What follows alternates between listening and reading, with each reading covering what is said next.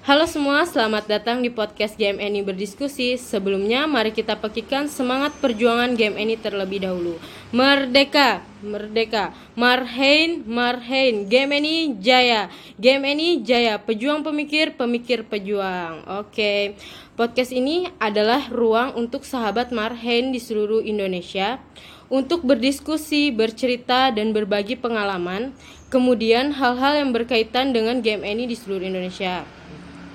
Jadi nih buat kawan-kawan GMNI di seluruh Indonesia yang ingin berpartisipasi dalam podcast ini bisa mengirimkan pengalamannya dalam berGMNI bisa dikirimkan lewat email at ginasofia228 at gmail.com Nah kali ini nih kebetulan sekali uh, di podcast pertama kita ini uh, kita bakal ngejelasin sedikit tentang GMNI itu sendiri dan juga di sini ada seorang gue star dari uh, game ini Banjarmasin ya bang iya, uh, iya, game ini Banjarmasin hmm, nama beliau Bung Bung Muh- Bung Muhammad Ido Akbar Gofori atau yang sering biasa disapa dengan Bung Edo. Gimana Bang kabarnya hari ini? Ya, alhamdulillah baik-baik saja. Ya, Hmm. Terima kasih atas ininya lah. Terima kasih atas ngundang kita ke podcast Oke. Gina Sophia. Iya. Oke, sebelumnya eh, s- ini kan s- di podcast ini nih, Bang. Saya tuh ingin memperkenalkan gitu Mhm. untuk teman-teman GMNI yang ada di seluruh Indonesia dan orang-orang yang bukan GMNI biar mereka tuh lebih tertarik gitu tentang GMNI. Makanya di judul podcast pertama ini yaitu apa sih GMNI itu? Nah, Hmm, oke, Eh, oke. Jadi saya pengen mengetahui game ini tuh dari sudut pandang abang dan abang ini kan udah lama gitu ya eh, di bergabung dengan game ini tuh Iya. gitu. Jadi bisa abang jelaskan lah sedikit. tentang GMNI ya. Iya. Jadi sebenarnya kalau eh, bicara GMNI sih, sebenarnya kita sudah bicara organisasi, sebutlah organisasi legenda. Oke. Nah, karena kan organisasi GMNI ini sudah sejak lama eh, terbentuk di tahun 1954. Nah, jadi sebenarnya juga eh, gerakan mahasiswa nasional Indonesia atau GMNI ini pun eh, dibentuknya itu 1954 berasal dari tiga organisasi yang berbeda. Yang awalnya itu di Yogyakarta, terus di Surabaya dan di Jakarta. Nah, mungkin sih kalau kita ilustrasikan gini. Jadi tiga organisasi ini yang menganut faham Marxisme, yang menganut faham ajarannya Soekarno itu, mereka mikir, kita punya organisasi sama kok, Iya. namanya doang yang beda kan. Nah, Iya. Terus juga asas kita juga sama, yang kita perjuangin juga sama kok. Ya untuk rakyat juga ya, Bang Ya ya. untuk rakyat juga kan. Nah, kok kita nggak gabung aja gitu loh. Dan teman-teman yang lain pun merasa, oh iya gitu loh, bener juga. Kalau misalkan kita kan punya asas yang sama, atau kita pun juga punya tujuan yang sama. Kenapa nggak kita gabung aja? Akhirnya eh, di tanggal 23 Maret 1954 eh, dan di situ pun kan dilaksanakan kongres pertamanya GMNI. Jadi waktu itu eh, kongres pertamanya ya, Bang? Kongres pertamanya Hmm, dan itu pun kan diperingati menjadi hari lahirnya GMNI gitu loh. Oh. Nah, hari lahirnya GMNI. Nah, terus GMNI sendiri eh, sebenarnya kan eh, sama halnya seperti organisasi pendahulu, ya kan yang akhirnya melebur menjadi satu, merupakan organisasi yang memperjuangkan hak-hak rakyat. Gitu. Nah, memperjuangkan hak-hak rakyat, terus juga eh, bagaimana caranya agar eh, seluruh orang-orang yang ada di GMN itu secara sederhananya keberadaannya itu bermanfaat untuk masyarakat banyak gitu. ataupun bahkan lingkungan sekitar. Nah, jadi sebenarnya GMNI ini uh, organisasi yang memperjuangkan hak-hak rakyat yang tertindas. Sebenarnya kalau secara ininya apa? Kalau secara sederhananya sih gitu. Nah, alhamdulillah sih sampai tahun ini alhamdulillah GMNI masih terus ada dan bertambah gitu. Karena dulunya itu kan habis dari apa perleburan dari tiga organisasi itu GMN itu kan hanya di beberapa tempat khususnya di pulau, pulau Jawa dulu itu nah akhirnya menyebar luas sampai ke pelosok-pelosok eh, pelosok-pelosok daerah pelosok-pelosok pulau. Dan akhirnya di seluruh Indonesia gerakan mahasiswa nasional Indonesia ada dan hadir untuk masyarakat gitu. Nah, kebetulan banget nih, Abang ini kan dari GMNI Banjarmasin, eh, yang lebih tepatnya GMNI Kalimantan Selatan. iya betul. Nah, kalau boleh tahu nih Bang, gimana sih perkembangan GMNI di Banjarmasin?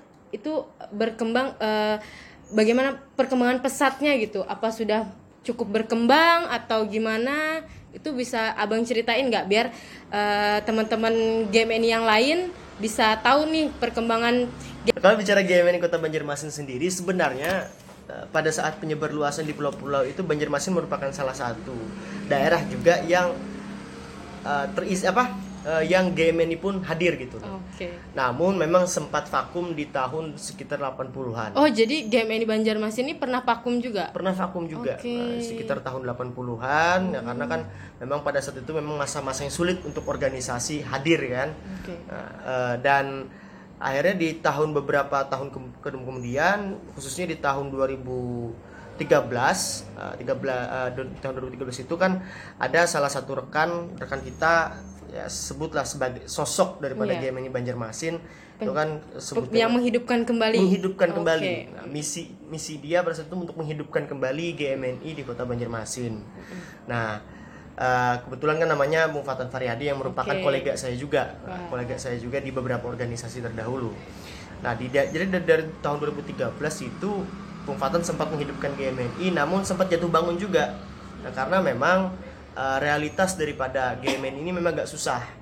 Uh, awalnya itu untuk diterima yeah. masyarakat banyak. Nah, apalagi sebenarnya kan uh, apa banyak lah masyarakat masyarakat yang menilai bahwa organisasi GMN ini organisasi yang aneh gitu loh. Sebenarnya enggak nah jadi kan pada saat jatuh bangunnya itu akhirnya kembali bangkit di tahun 2015. Oh, baru mulai bangkitnya di waktu cukup lama juga bang ya? Ya. Ter, ter apa sih vakumnya gitu? Vakumnya cukup lama juga. Jadi hmm. sebutlah di 2013 sempat bangkit, di hmm. 2014 vakum lagi, okay. di 2015 bangkit lagi. Nah, hmm. bangkit lagi. Yang mana kan kebetulan juga uh, apa di tahun 2015 itu pula saya masuk okay. ke GMNI gitu. Oh, jadi abang masuk tahun GMN ini pada tahun 2015 15 akhir. Okay. 2015 akhir. Nah di situ pun kan akhirnya pada saat itu kan Fatan Bung Fatan itu mengajak kita gitu loh untuk membangun GMNI di Banjarmasin. Nah alhamdulillah kan kita bersedia bersama teman-teman lain satu kolega uh, dari organisasi sebelumnya.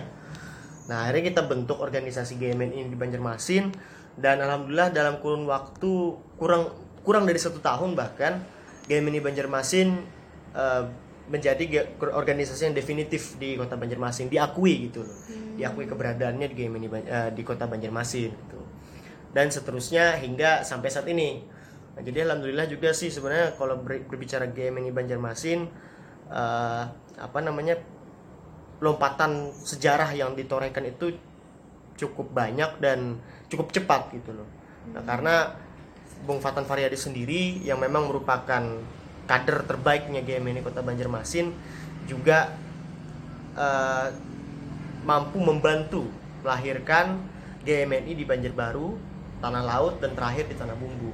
Oh, jadi sekarang GMNI Banjarmasin ini memiliki beberapa cabang itu ya, Bang? Atau gimana? Jadi kalau GMNI itu pun sebenarnya terbagi-bagi dalam okay. artian uh, kalau berbicara GMNI Banjarmasin itu merupakan cabang daripada Kalimantan Selatan. Oke. Okay. Di Kalimantan Selatan ini kan kita punya organ uh, lembaga tertinggi juga, mm -hmm. lembaga tertinggi di tingkatan provinsi, yeah. kan GMNI Kalimantan Selatan yang bahasanya itu mereka bapak kita gitu. Oke. Okay. Nah dan mereka pun punya anak lagi, nah saudara kita yaitu yeah. cabang Banjarbaru, cabang Tanah Laut dan cabang Tanah Bumbu. Mm Nah dan alhamdulillah itu tadi uh, itu pun sebenarnya kalau kita berbicara agak uh, berbicara tentang sosok ya, uh, Bung Fatan ini pun bisa melahirkan empat cabang lah secara total empat cabang gitu loh. Uh, satu cabang GMNI Banjarmasin, cabang Banjarbaru, cabang Tanah Laut dan cabang Tanah Bumbu dan DPD. Nah itu merupakan hasil dari jerit payah tangan Bung Fatan juga sebenarnya gitu itu sih kalau untuk sejarah singkat kalau di game ini Banjarmasin. Jadi ternyata di game ini Banjarmasin ini ada sosok yang hebat bang ya di balik di balik uh, kesuksesan dan keberlangsungannya game ini Banjarmasin. Betul betul. Hmm. Ya karena bagi kami juga Mufatan Faryadi Oscar ya kan nama lengkapnya ini selain dia juga sudah menorehkan sejarah di tataran game ini Banjarmasin ataupun di Kalimantan Selatan uh, beliau pun juga menorehkan sejarah dalam artian mengangkat derajat GMNI Kalimantan Selatan. Karena pada saat uh, pada Kongres ke-20 pada saat itu di Minahasa uh, GMNI Kota Banjarmasin atau dalam hal ini Bung Fatan hmm. berhasil menduduki ataupun diamanahkan untuk menduduki posisi GMNI di pusat. Nah, DPP GMNI. Nah, dan otomatis kan berasal dari GMNI Kalimantan Selatan gitu. Jarang-jarang ada yang terpilih sebenarnya kalau berbicara di tingkatan tataran GMNI yang mempunyai skop yang sangat luas uh, GMNI-nya di daerah-daerah kan. Itu sih. Jadi eh, Bung Fatan ini cukup berprestasi dan dikenal eh, di eh, apa sahabat-sahabat GMNI di luar Banjarmasin juga bang ya ternyata. Betul, betul. Wah, eh, sosok beliau ini kayaknya bisa buat panutan nih buat teman-teman GMNI yang ada di seluruh Indonesia. Apalagi di Banjarmasin beliau ini sangat eh, apa ya bisa dibilang terkenal lah dengan perjuangan-perjuangan beliau yang menghidupkan GMNI yang sudah lama vakum Oh. dan bisa hidup kembali. Betul, betul. Hmm, gitu. Nah kalau boleh tahu tuh bang, eh, gimana sih abang kok bisa terjun gitu ke GMNI ini sendiri, terutama GMNI Banjarmasin? Kan Oke. jarang kan ada orang eh, mau terjun ke organisasi yang bisa dibilang organisasi yang kurang cukup legenda eh, ya, cukup atau bahkan iya, mungkin kalau di Banjarmasin sendiri memang mungkin jarang yang kena iya, dulu iya. bisa nih dibagikan pengalamannya biar teman-teman kita tahu gitu. Iya, eh, jadi sebenarnya eh, ini fun fact sebenarnya. Oke. Soalnya eh, aku masuk ke GMNI itu bukan atas dasar kemauan aku sendiri gitu loh. Namun, namun sebagai bentuk ya seenggaknya bisa membantu Bung Fatan pada saat itu. Oke. Bung, Bung Fatan pada saat itu kan ingin mendirikan GMNI Banjarmasin kembali kan. Pa- pasca vakum di tahun 2014. Nah, kita pada saat itu sebenarnya masih setengah-setengah gitu loh mau masuk GMNI ini dalam artian ya oke lah kita masuk cuman kita ya seadanya aja lah gitu loh seadanya aja cuman alhamdulillah eh, sembari berjalannya waktu ya kan dari awal aku masuk terus di tahun 2016 eh, ya gimana ya maksudnya kalau bahasa bahasa langitnya itu sih kita mendapatkan panggilan gitu loh Nah, kita mendapatkan panggilan hati untuk mengabdi ke GMNI. Cuma se- secara sederhananya sih kita melihat bahwa GMNI Banjarmasin ini merupakan organisasi yang potensial untuk juga melahirkan orang yang potensial. Oke. Nah, jadi organisasi ini udah potensial, tapi ternyata juga mampu untuk melahirkan orang-orang yang potensial gitu. Karena mungkin kalau aku beranalogi, mungkin seandainya aku nggak masuk GMNI ya, mungkin aku nggak bisa sefasih ini berbicara gitu. Aku nggak bisa sepede ini, sepercaya diri ini, ataupun bahkan untuk berkenalan dengan orang lain pun eh, aku pasti masih ragu-ragu gitu. Karena sebelum aku masuk GMNI sendiri pun aku merupakan orang yang sebenarnya cukup tertutup jarang ber apa jarang bergaul lah bahasanya itu Jadi ternyata abang ini sangat tertutup ya iya eh, betul pribadinya. Oke Pribadi yang sangat siap. tertutup. Ya, cuman kan kita akhirnya setelah masuk GMNI kita menjadi pribadi yang terbuka sangat terbuka bahkan sampai orang lain terganggu kan Iya, ternyata nggak nyangka juga ya setelah eh, cukup lama kenal Bung Edo yang saya kira memang kepribadian yang memang riang, tapi ternyata ada sisi ketertutupan beliau sebelum masuk GMNI. iya betul Jadi GMNI ini sebenarnya udah ngerubah banyak kepribadian abang nggak sih? ya bagi aku sih secara pribadi eh, GMNI Gerakan Mahasiswa Nasional Indonesia ini sudah mengubah cara aku cara aku untuk eh, ya gimana ya cara maksudnya ya sebenarnya merubah bisa bisa dikatakan merubah aku sepenuhnya gitu loh merubah aku sepenuhnya aku yang sebenarnya bicara aku yang sebenarnya dalam artian aku antipati terhadap eh, lingkungan sekitar aku just dengan masuk GMNI aku justru berpikir bahwa apa sih yang bisa aku lakuin gitu loh, buat bantu orang-orang yang ada di sekitarku gitu. Nah, game ini sebenarnya bagian terbanyak merubah kepribadian aku secara pribadi. Dalam artian juga eh, itu tadi seca- selain daripada mengubah pandangan aku, game ini pun sebenarnya mengubah tingkah lakuku, tingkah laku yang dulunya memang eh, bisa disebut ya gimana ya eh, nggak beraturan ya sekarang ya sedikit banyaknya mungkin agak beraturan gitu loh Oke oke. Terus kalau boleh tahu nih bang, Mm-mm. gimana sih pergerakan GMNI saat ini di Banjarmasin itu sendiri? Oke, kalau berbicara pergerakan di GMNI Banjarmasin, Uh, Alhamdulillah karena juga ini sebenarnya akan memasuki masa-masa purna kepengurusan GMNI Banjarmasin saat ini yang sedang aku jabat. Cuma kalau kita berbicara tentang waktu pada saat GMNI Banjarmasin awal berdiri, berdiri kembali di tahun 2015 sampai saat ini alhamdulillah ada beberapa hal-hal yang sudah kita lakukan dalam dalam artian uh, kemarin kita uh, mendengar permasalahan terkait ancaman penggusuran beberapa di perumahan di salah satu perumahan yang dilakukan oleh pihak pengembang. Dan alhamdulillah di situ pun GM ini hadir untuk setidaknya memberikan motivasi terhadap masyarakat masyarakat di sana gitu loh. Untuk bisa memberikan eh, hal-hal uh, yang perlu masyarakat ketahui dan juga bisa meningkatkan rasa percaya diri masyarakat pada saat itu karena pada saat uh, kemarin itu memang masalah terkait penggusuran itu uh, sangat mengundang perhatian sebenarnya mengundang perhatian masyarakat di luar di luar lainnya mana mereka ber, uh, dan masyarakat yang akan terdam akan akan dalam dalam hal ini misalkan akan digusur ini pun merasa bahwa mereka sudah tidak memiliki harapan gitu loh. Namun kemarin GM ini Banjarmasin mendengar dan kita pun langsung turun ke uh, untuk menyambangi masyarakat setempat. Kita menanyakan terkait surat sertifikat dan segala macam dan ternyata mereka punya gitu. Dan akhirnya kita coba bantu mereka untuk mendapatkan hak yang layak gitu. mendapatkan hak yang layak uh, dan menuntut haknya untuk diberikan. Nah oleh pihak siapa pun yang mencoba untuk menindas mereka terus juga yang kedua kemarin pun juga GMNI mendengar ada cerita terkait salah satu siswa yang terkena damp uh, bukan terkena dampak gimana gimana ya uh, dia ini terintimidasi gitu loh. Dia hmm. merasa terintimidasi oleh uh, lingkungan sekitarnya dalam hal ini dalam hal ini sekolahnya. Yang harusnya yang harusnya kan kita tahu sekolah ini kan merupakan rumah kedua gitu loh. Hmm, benar, benar rumah kedua. Tapi dia merasa terintimidasi mereka eh, dia dia merasa ter uh, apa namanya dia merasa uh, tidak nyaman tidak nyaman gitu okay. loh ya karena ternyata lingkungannya kema lingkungannya sendirilah sebenarnya membuat itu tidak nyaman. Dia dia didiskriminasi oleh lingkungan sekitarnya yang dalam hal ini yang dalam hal ini sekolahnya. Hanya hanya karena latar belakang latar belakang siswa beserta keluarganya Nah akhirnya kemarin kita bersama Yayasan Anak Bangsa Mandiri, nah, kebetulan juga uh, Yayasan Anak Bangsa Mandiri itu merupakan partner kita juga uh, kerja uh, apa namanya pihak pihak ketiga lah untuk dalam hal kerjasama uh, apa namanya pengajaran-pengajaran anak-anak terlantar. Jadi game ini juga hmm. uh, punya punya partner partnernya juga bang ya di ya. Banjarmasin ini. Iya, alhamdulillah. Luar biasa sekali nih.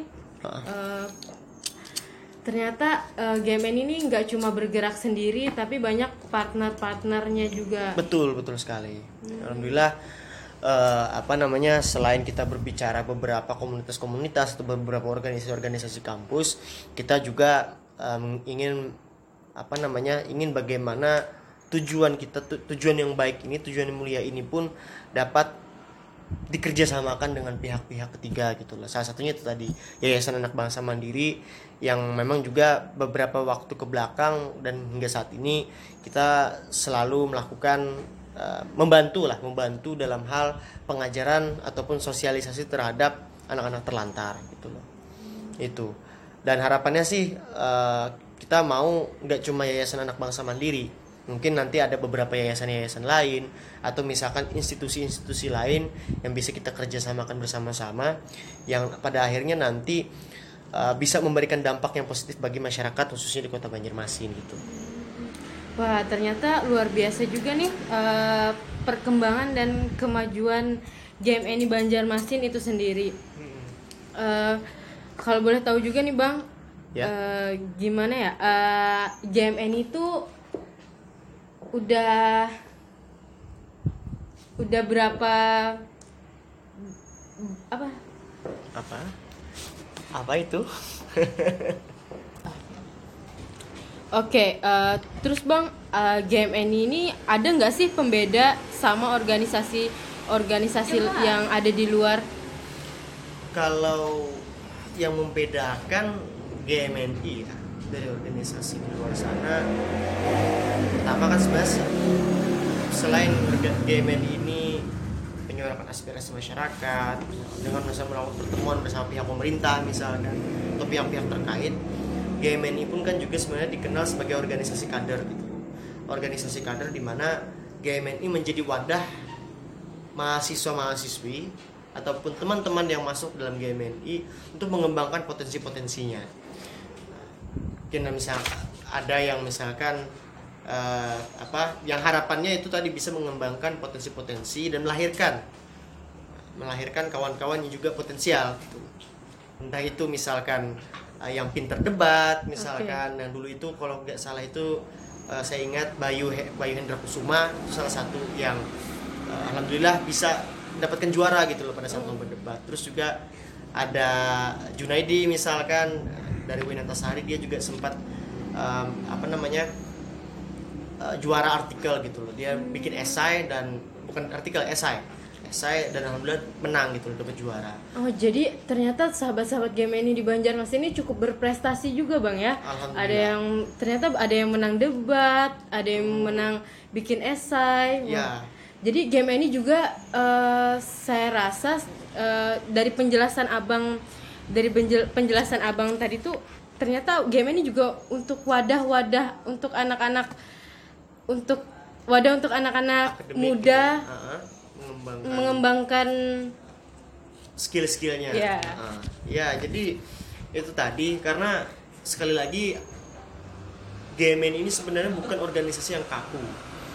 GMN sendiri memang men- apa namanya me- menguatkan dirinya menjadi sebuah organisasi yang dinamis. Dalam artian mau siapa pun, mau misalkan mau misalkan kalian-kalian di luar sana ataupun teman-teman di luar sana yang dia punya latar belakang sebutlah aktivis atau misalkan dia mereka-mereka yang sebenarnya punya latar belakang eh, penulis dan segala macam itu selalu game ini siap untuk menjadi wadah mereka untuk lebih berkembang gitu. Nah, yang harapannya game ini dapat selain daripada mengembangkan potensi-potensi, game ini pun menjadi penjalur untuk potensi-potensi yang dimiliki oleh eh, apa teman-teman yang ada di dalam game ini itu sendiri gitu. Nah, karena juga selain kita selain yang berbicara hal yang sifatnya baku, akademik akademik baku, misalkan tadi seperti penulisan esai, lomba debat segala macam, eh, kita justru berharap nanti game ini pun bisa melahirkan mahasiswa-mahasiswi ataupun eh, anggota-anggota yang bahkan bisa bepergian ke luar negeri misalkan melakukan pertukaran mahasiswa misalkan. Yang alhamdulillah sebenarnya cuma- sudah ada sudah ada beberapa orang. Nah, kebetulan eh, ada Anissa Mutia juga. Ya, dia sekarang berada di Jepang. Oke. nah, dia sekarang berada di Jepang membawa nama baik kampus dan juga GMNI gitu loh. Karena dia sedang mengikuti pertukaran mahasiswa ke Jepang. Wah, ternyata luar biasa juga bang ya anggota-anggota GMN ini. ya Eh, alhamdulillah setelah itu bang, apa sih tantangan GMN ini di Banjarmasin ini selama abang menjabat jadi ketua, ya kan bang, ketua pimpinan sih Oh, lebih oke, tepatnya. Ah, ah, pimpinan Ah. dan juga sebagai anggota GMN ini. Nah, jadi eh, kemarin juga kebetulan kan GMNI Banjarmasin bersama-sama GMNI Kalimantan Selatan kan ikut berikut serta dalam kegiatan gathering, kegiatan gathering dan refleksi lah. Nah, yang menemukan bagaimana memposisikan GMNI agar dapat dilihat oleh ba- banyak orang gitu. Jadi sebenarnya berkaitan juga dengan tantangan zaman kita eh, dalam hal ini revolusi industri 4.0. Nah, bagaimana misalkan eh, apa eh, teknologi-teknologi ini dapat dimanfaatkan dengan baik. Nah, salah satunya kan organisasi GMNI gitu. Siapa sih yang nggak mau berikut dengan zaman yang sedang berjalan? GMNI pun tentu enggan untuk berdiam diri melihat itu. Oleh karena itu juga kita kita pengen nanti teman-teman di luar sana pun mikir GMNI ini bukan organisasi yang demo mulu-mulu atau misalkan cuma sekedar eh, aksi-aksi aja tapi juga bisa memberikan dampak yang baik ataupun melakukan pemanfaatan teknologi yang baik juga gitu yang bisa dikonsumsi oleh masyarakat secara positif gitu. Wah luar biasa sekali ya ternyata GMN di Banjarmasin ini.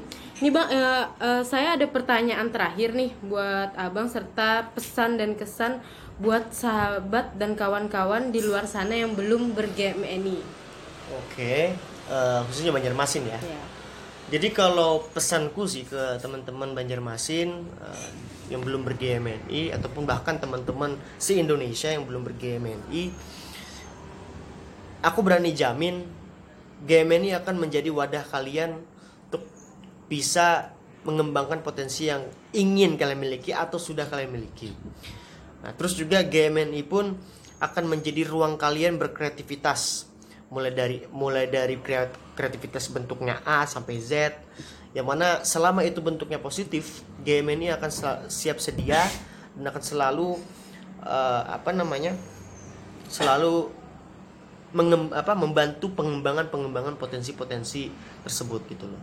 Nah intinya sih kita pengen teman-teman lihat game ini nggak sebagai organisasi sekali lagi bu, organisasi yang kaku gitu. Tapi game ini menjadi organisasi yang bahkan bisa dikatakan organisasi yang kekinian.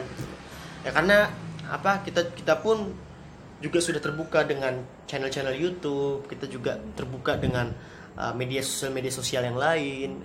Otomatis kan kita juga perlu nih gitu loh ide-ide dari teman-teman milenial-milenial yang gimana caranya agar pesan-pesan baik dari game ini pun bisa disampaikan ke masyarakat banyak. Oke. Okay. Uh, jadi uh, sekian teman-teman teman-teman uh, penjelasan sedikit nih tentang GMNI itu sendiri yang dijelaskan oleh Bung Edo. Nah, maaf nih kalau kali ini podcastnya ada gangguan-gangguan suara karena kebetulan kali ini rekaman podcastnya lagi ada di luar, lagi ada di luar ruangan. Kami lagi ada di kafe di salah satu kota Banjarmasin. jadi gitu, oke. Okay? Uh, banget. nah, jadi uh, sekian dulu. Uh, Assalamualaikum warahmatullahi wabarakatuh. Oke, okay, uh, terus bang, uh, GMN ini ada nggak sih pembeda sama organisasi organisasi ya, yang ada di luar? Kalau yang membedakan GMNI ya dari organisasi di luar sana, pertama kan sebenarnya selain GMNI ini menyuarakan aspirasi masyarakat dengan misalnya melakukan pertemuan bersama pihak pemerintah misalkan atau pihak-pihak terkait GMNI pun kan juga sebenarnya dikenal sebagai organisasi kader gitu.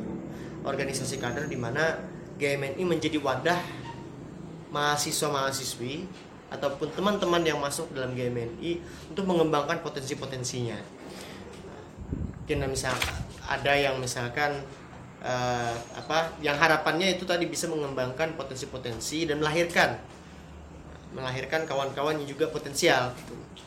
Entah itu misalkan uh, yang pinter debat misalkan. Okay. yang dulu itu kalau nggak salah itu uh, saya ingat Bayu Bayu Hendra Kusuma itu salah satu yang uh, alhamdulillah bisa mendapatkan juara gitu loh pada saat lomba debat terus juga ada Junaidi misalkan dari Winantasari dia juga sempat um, apa namanya uh, juara artikel gitu loh. Dia bikin esai dan bukan artikel esai saya dan alhamdulillah menang gitu dapat juara. Oh jadi ternyata sahabat-sahabat game ini di Banjarmasin ini cukup berprestasi juga bang ya. Ada yang ternyata ada yang menang debat, ada yang hmm. menang bikin esai. Ya. Jadi game ini juga uh, saya rasa uh, dari penjelasan abang dari penjelasan abang tadi tuh ternyata game ini juga untuk wadah-wadah untuk anak-anak untuk wadah untuk anak-anak muda. Uh -huh mengembangkan mengembangkan skill-skillnya. Yeah. uh, ya jadi itu tadi karena sekali lagi Gamen ini sebenarnya bukan organisasi yang kaku.